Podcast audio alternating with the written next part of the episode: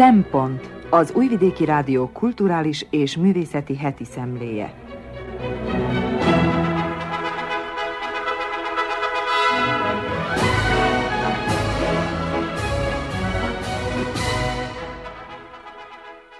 Jó napot kívánok! Köszöntöm az Újvidéki Rádió hallgatóit. A mikrofonnál Krnács Erika, a Szempont mai szerkesztője.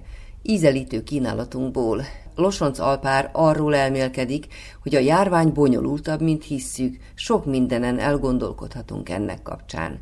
Grui Zsuzsa azt fejtegeti, hogy tudjuk-e, és hogyan definiálhatjuk azt, mi a normális, és hol kezdődik a nem normális. Csík Monika jegyzetében a mozi varázsáról ír. Gobbi Fehér Gyula szerint a belső mozi, snittek életünkben olyan álmodozások, amelyekre szüksége van a léleknek. Tartsanak velünk!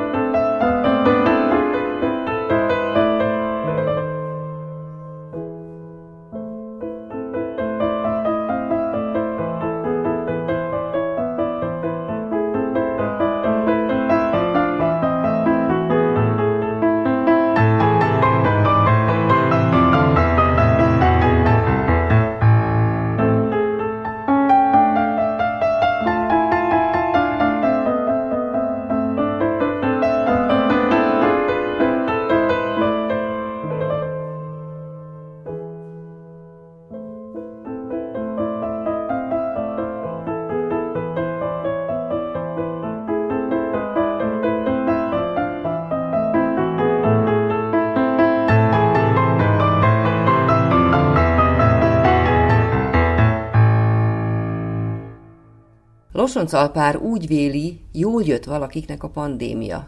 Sok mindenen elgondolkodhatunk ennek kapcsán. Emlékszik-e még valaki a pandémiára, azaz a COVID-19-nek nevezett járványra?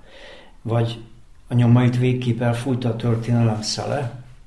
Hiszen az, aki a mindennapok ütemét szemügyre vételezi, legfeljebb csak a maradékokat rögzítheti. Így csupán elvétve akadnak emberek, akik a boltban még szerételtik annak, hogy védekező maszkal közlekedjenek. Hát őket egyre inkább a furcsaság rubrikájába sorolják. A média által bemondott halottak számát már régóta minimálisnak és tűrhetőnek véli, a hírek egykedvű habzsolója, aki védetnek érzi magát, és önelégülten megállapítja magában, hogy sorsa nem fordult a legrosszabbra. Túléltem, a többi mind közönségesen pedig nem érdekes. Így szól a még élő, hagyományos észszerűsítéssel. Vagy a járványt egyszerűen kiszorította a média előtt térből a tomboló, világfor felforgató ukrajnai háború iránti érdeklődés? Végül is kitanúsítana érdeklődést az elapott járvány iránt, ha csak nem a szakszerűségben merülő epidemiológusok, akik majd dolgozatot írnak.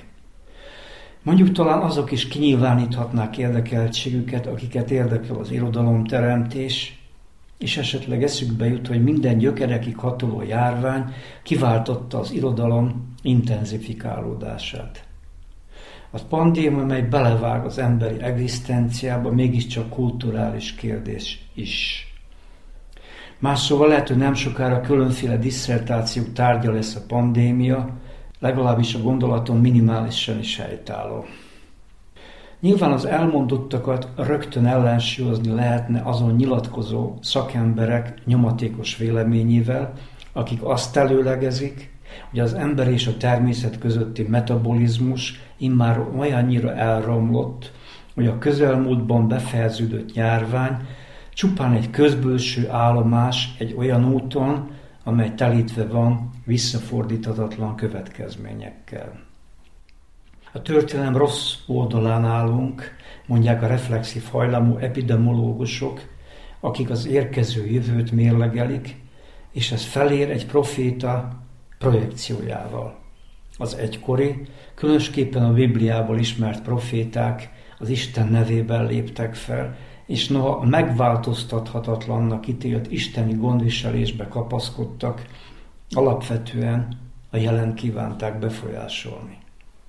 Ám nem csak ez a mozzanat jár az agyamban, hiszen nem oszlott el a pandémia kapcsán a félhomály, meg annyi dolog kapcsán a semmit markoljuk.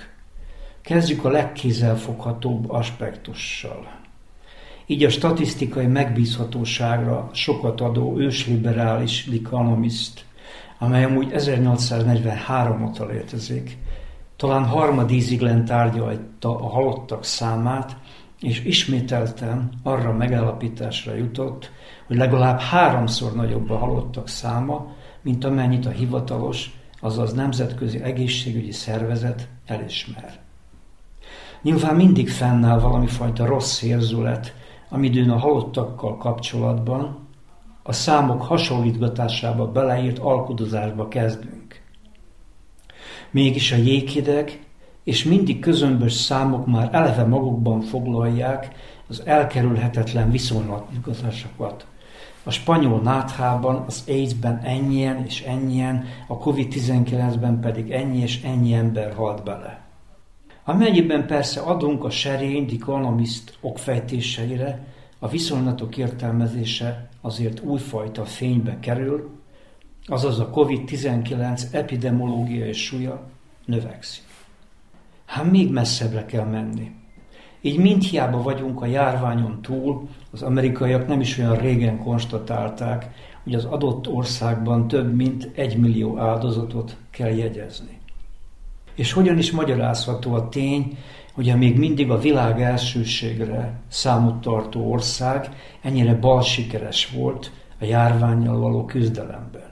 Miért történt ugyanezen ország, amely amúgy olyannyira hozzájárult ahhoz, hogy az itt már szóba hozott egészségügyi világszervezet elveszítsen minden autonómiát, és adományoktól függjön, tehát hogy ilyen számottevő áldozati regisztert hozzon létre.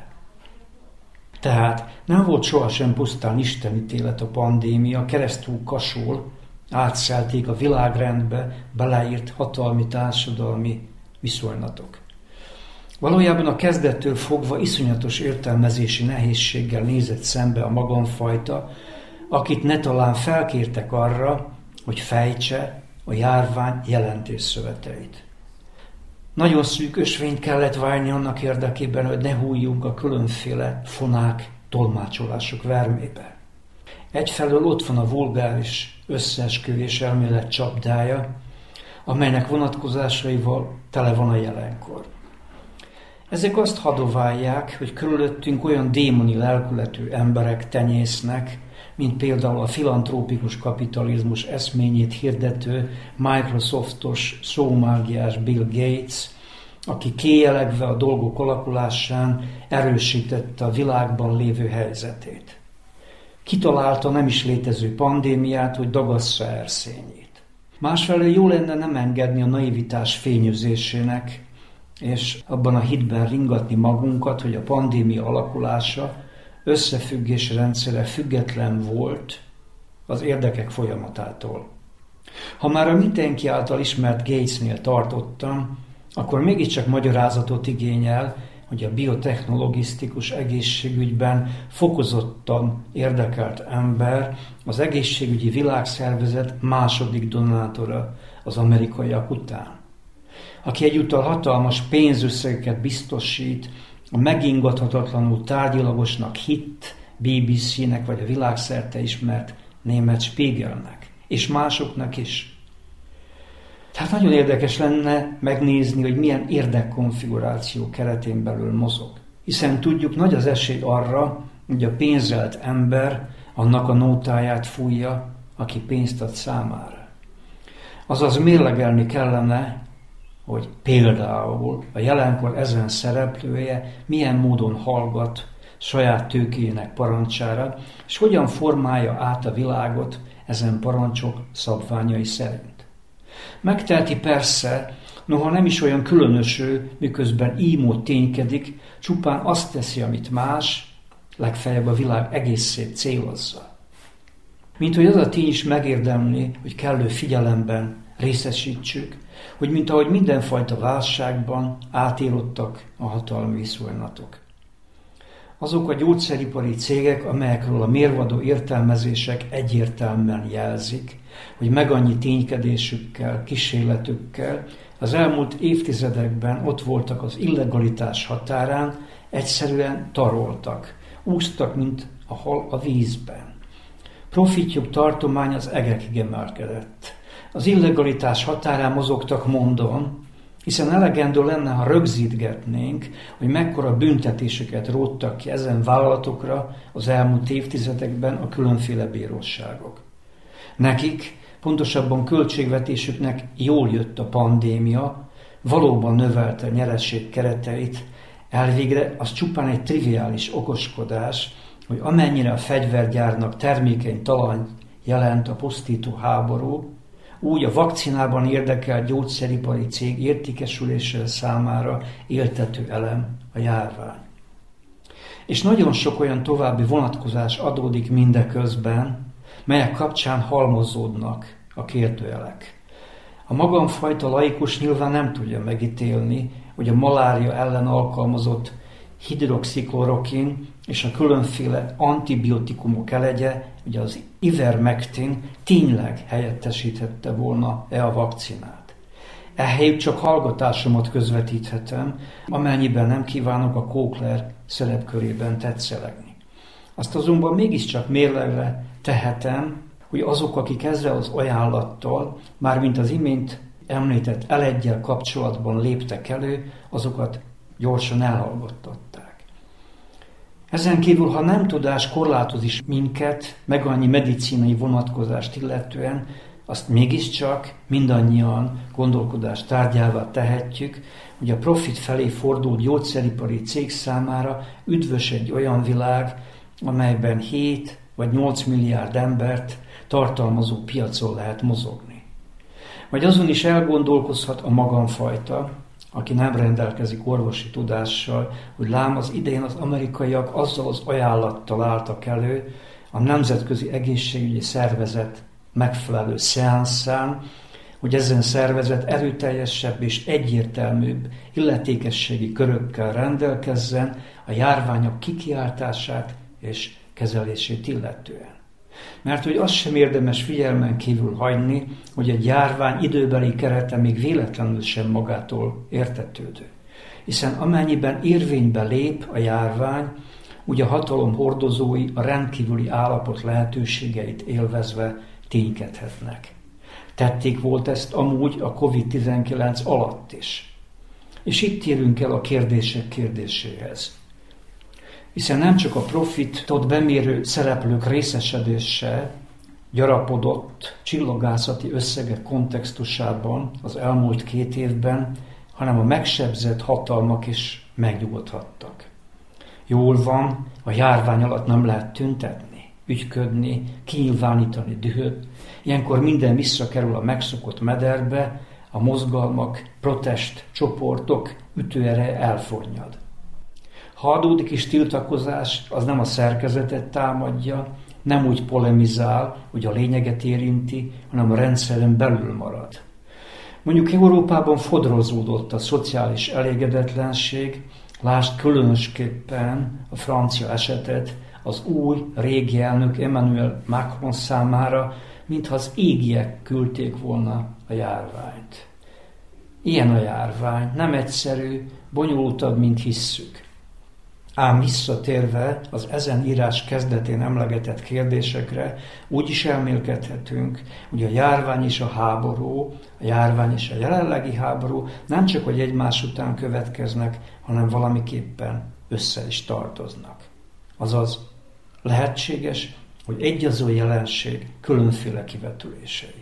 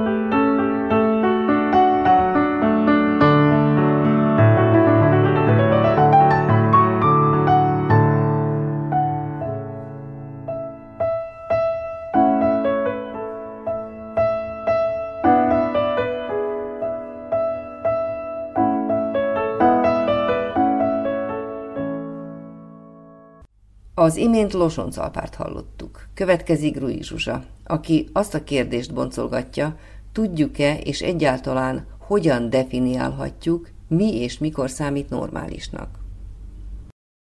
Mi a normális? Hétköznapi informális beszélgetéseink során viszonylag könnyen dobálózunk olyan kifejezésekkel, hogy te nem vagy normális, meg amit ő csinál, az már nem normális. Ez alatt általában valami olyasmit értünk, hogy az illető nekünk nem tetsző módon vagy számunkra nem átláthatóan és logikusan viselkedik. Ha azonban mélyebben mögéjük nézünk ezeknek a kifejezéseknek, hamar rájöhetünk, hogy valójában egyáltalán nem egyszerű definiálni azt, hogy mit is jelent pontosan a normális és a nem normális.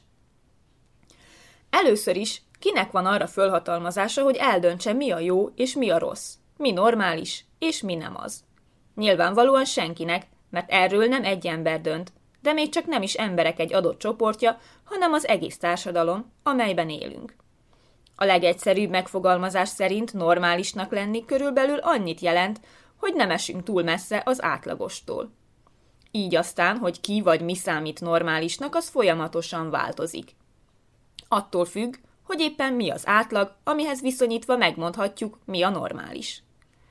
Száz éve még teljesen normális volt, ha valaki a Tisza vizét itta.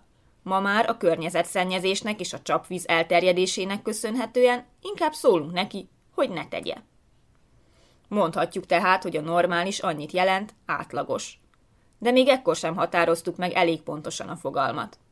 Azért, mert az átlag valamit csinál, vagy azért, mert a többség ugyanazt csinálja, még egyáltalán nem biztos, hogy ez egy föltétlenül követendő példa lenne.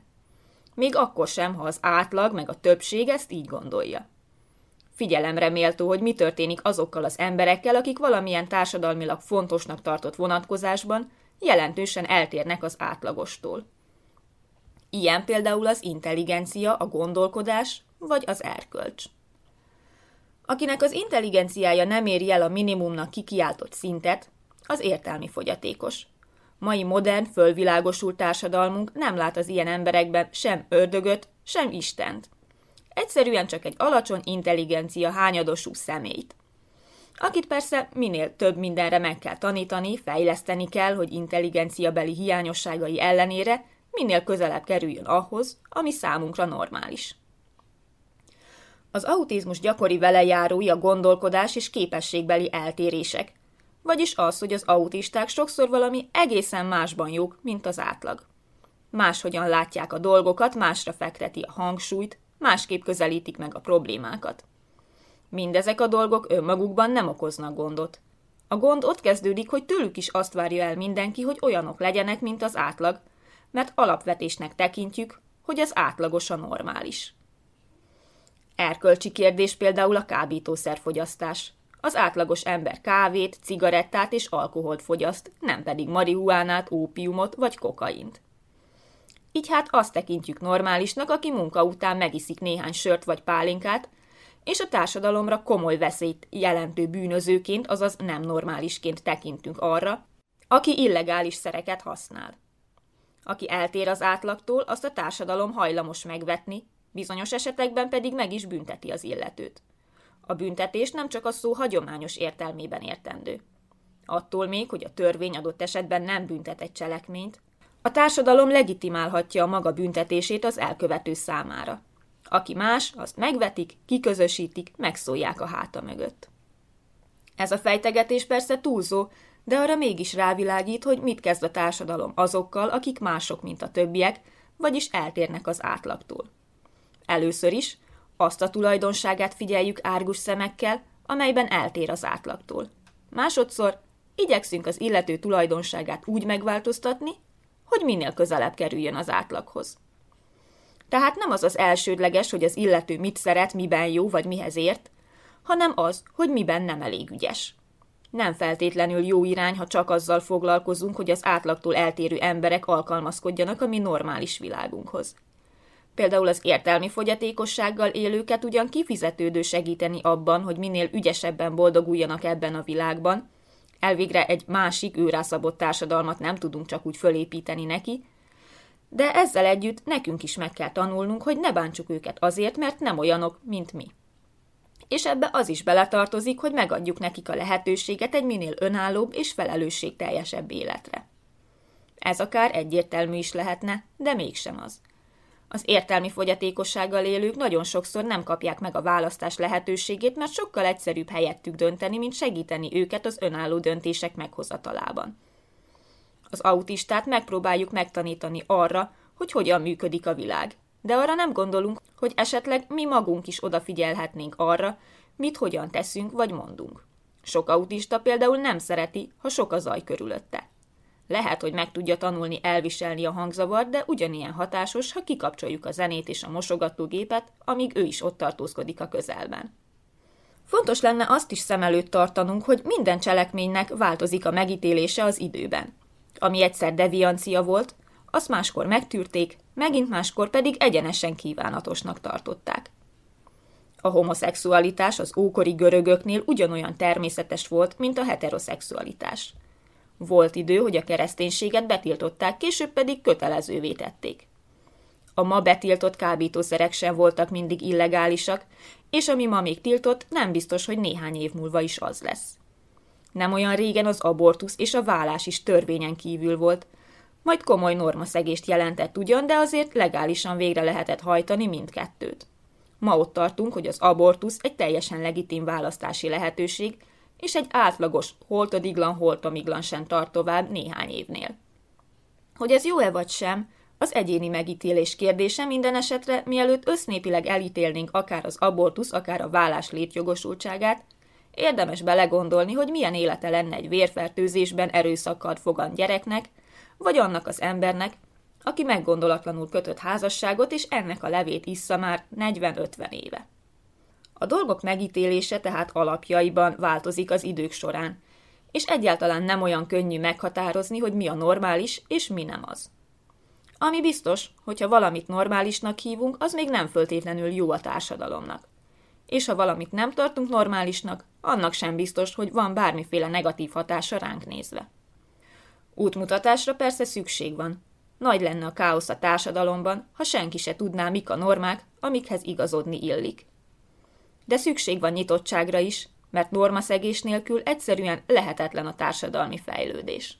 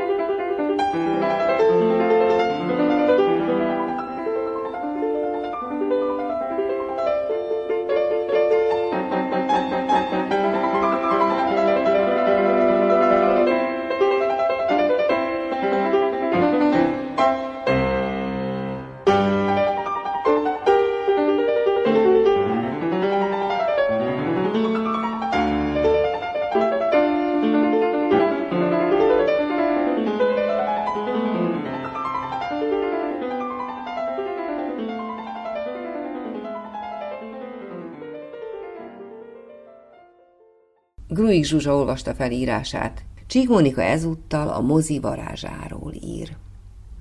Az eltűnés legjobb módja.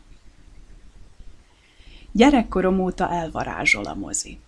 Szívesen emlékszem a kisiskolás kiruccanásokra, amikor csoportosan vittek bennünket a falu mozitermében tartott matinévetítésekre. Izgatottan ücsörögtünk a bordó műbőrszékeken, harangoztunk a lábunkkal, és vártuk, hogy kialudjanak a fények, elbődüljön a vásznon az oroszlán, majd megkezdődjön Tom és Jerry macska egér harca, vagy a préri farkas és a kengyelfutó gyalogkakuk folytonos kálváriája. A termet ilyenkor betöltötte az önfelett gyerek kacaj.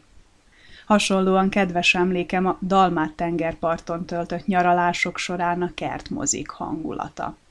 Ültünk a só és olajbogyó illattól fűszeres nyárestéken, a billegős kerti székek valamelyikén, felettünk a csillagfényes égbolt, a strand felől mediterrán muzsikaszó áradt, a vásznon pedig osztotta a pofonokat a két fenegyerek, Bud Spencer és Terence Hill.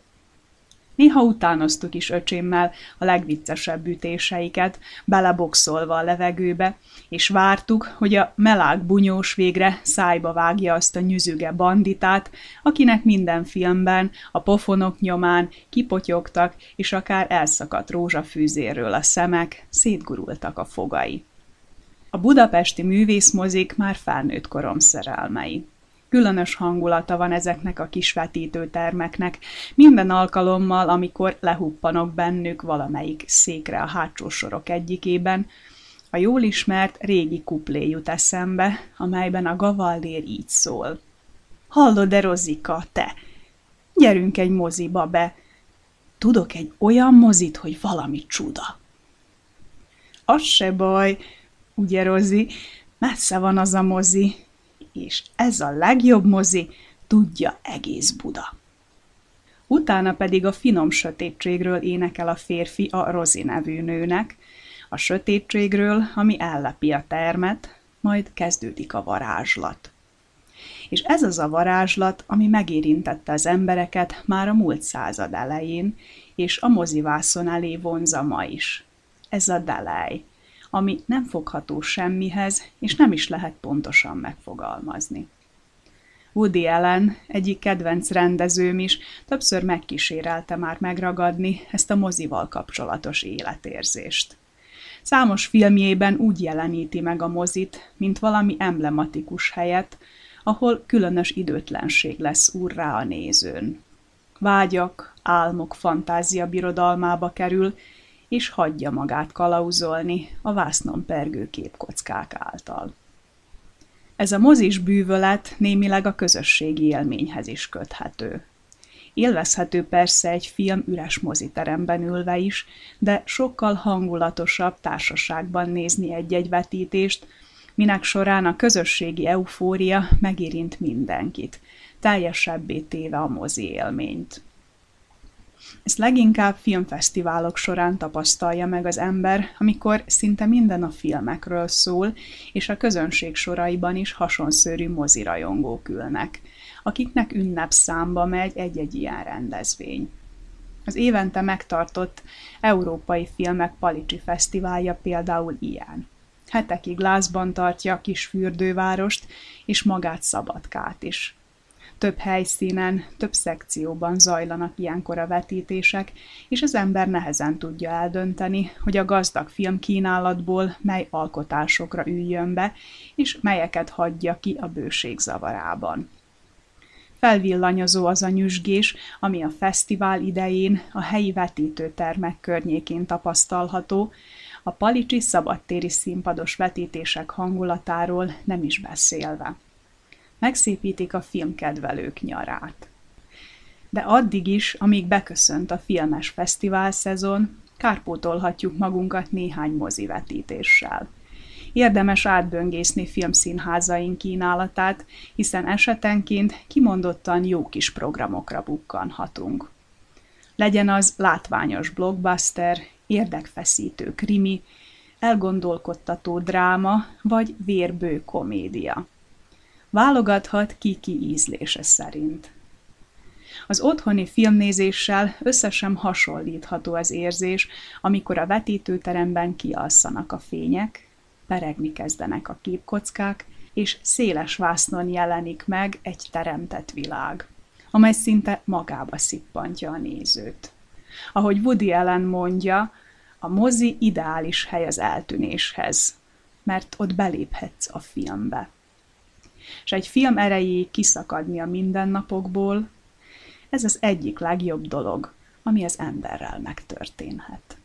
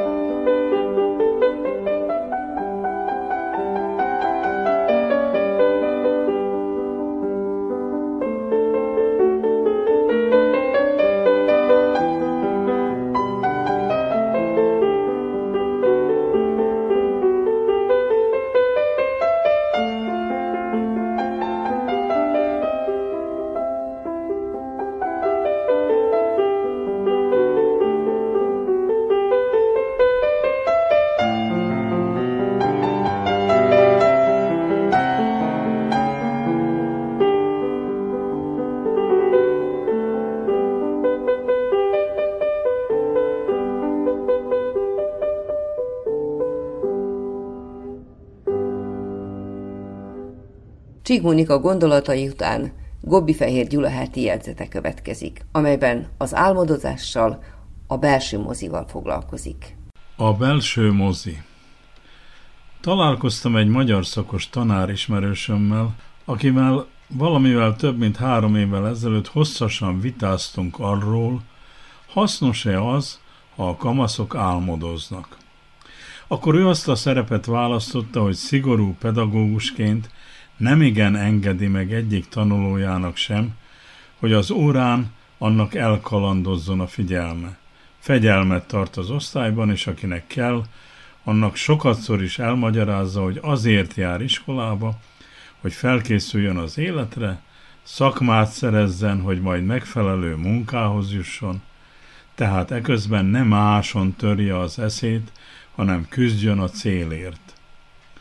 Ezt a véleményét nekem is részletesen kifejtette, miközben én folyamatosan sajnáltam a gyerekeket, akinek még az a kis szórakozás sem engedtetett meg, hogy néhány pillanatig elfeledkezzenek arról, magukról, hol vannak, elfeledkezzenek a fegyelemről, meg a pontosan felsorolt tanulnivalókról. Nekem rögtön apám jutott eszembe, akivel az 50-es évek végén az újvidéki Hős Pinki utcában egy szobakonyhából álló kis házat építettünk fel, legyen hol meghúzódnunk. Már fent dolgoztunk a tetőszerkezeten, apám utasításai szerint szögeztük fel a cseréptartó léceket, kicentizve minden darabot, mert mint édesapám elmondta, ha nem állnak pontosan mérték szerint, akkor az első szélvihar lelögdösi az egész szerkentyűt.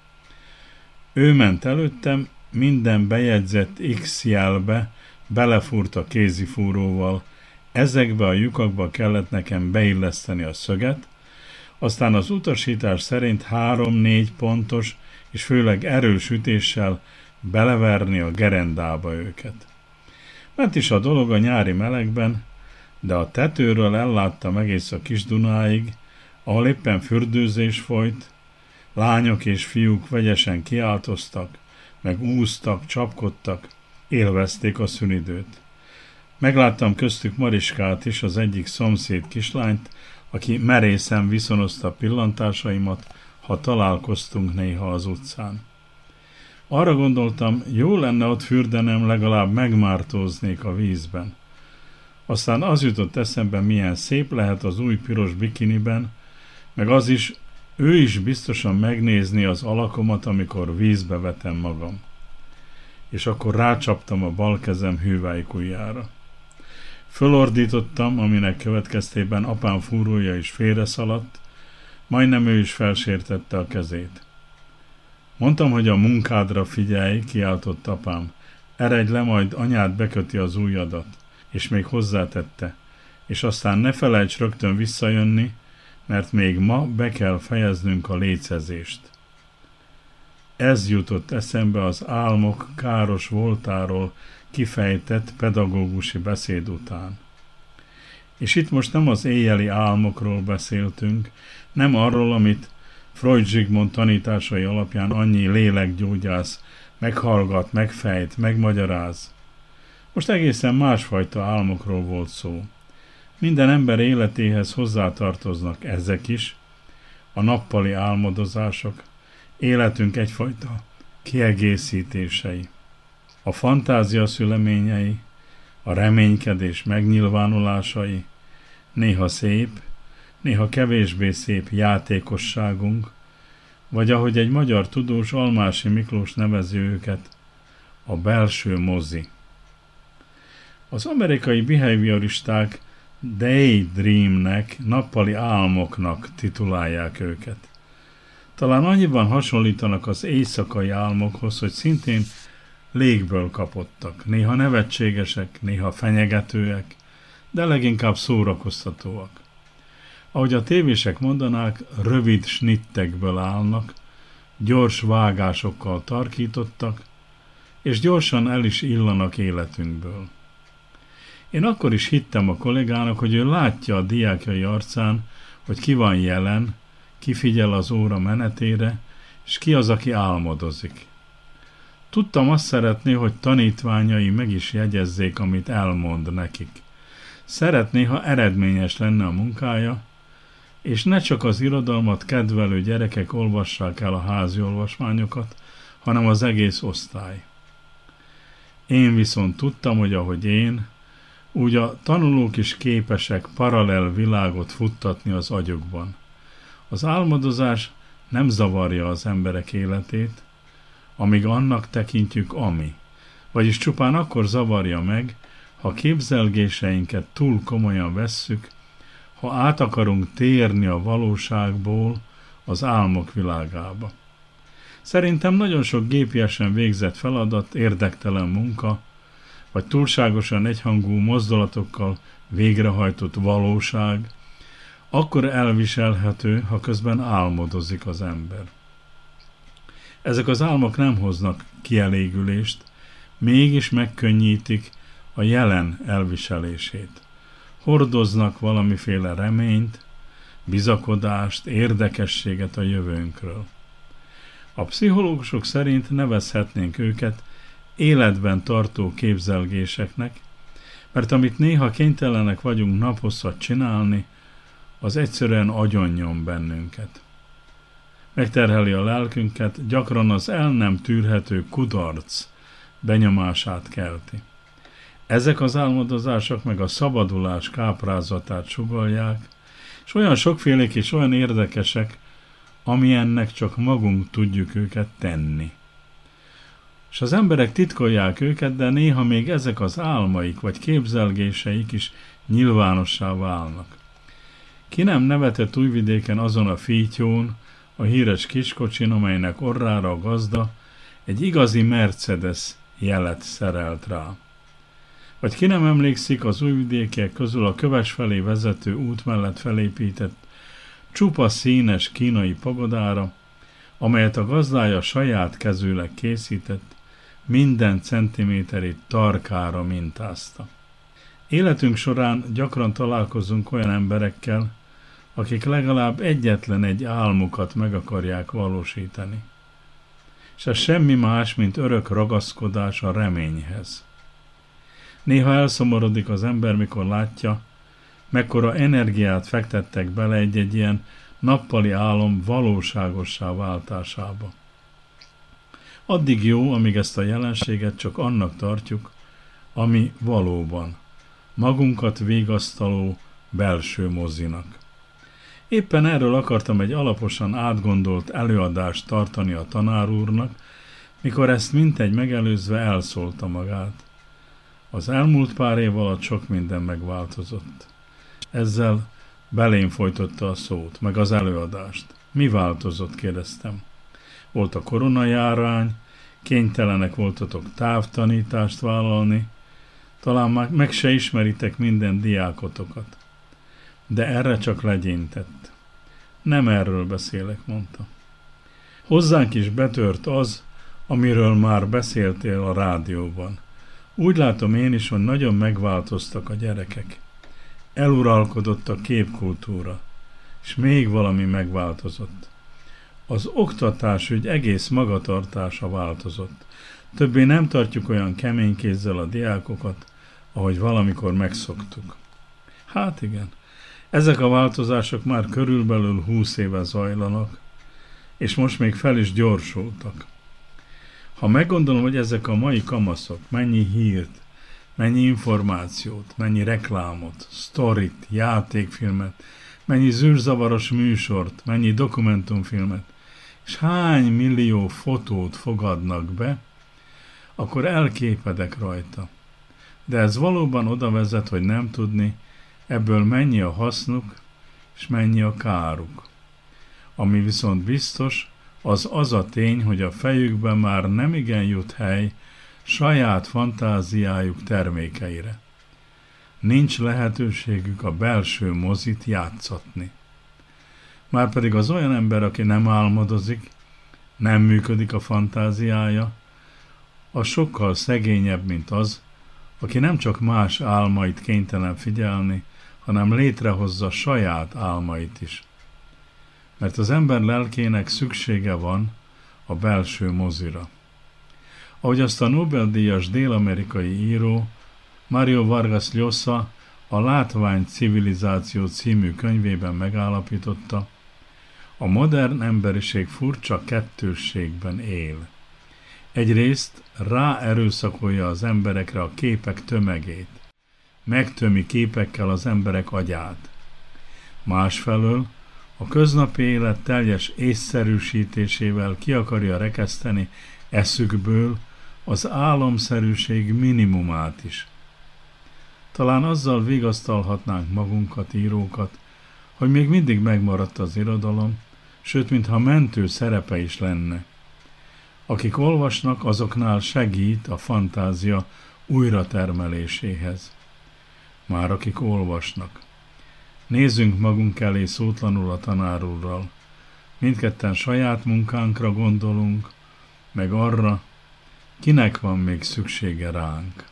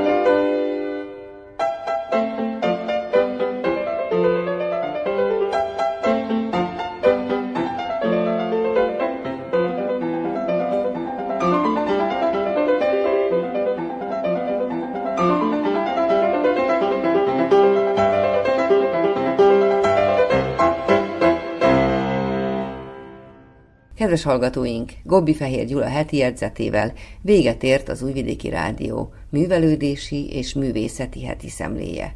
A munkatársak Lozsoncalpár, Gruig Zsuzsa, Csik Monika és Gobi Fehér Gyula nevében köszöni megtisztelő figyelmüket a szerkesztő Krnács Erika. A műsor természetesen az interneten is meghallgathatják. A www.rtv.rs.hu hollapon. A viszonthallásra!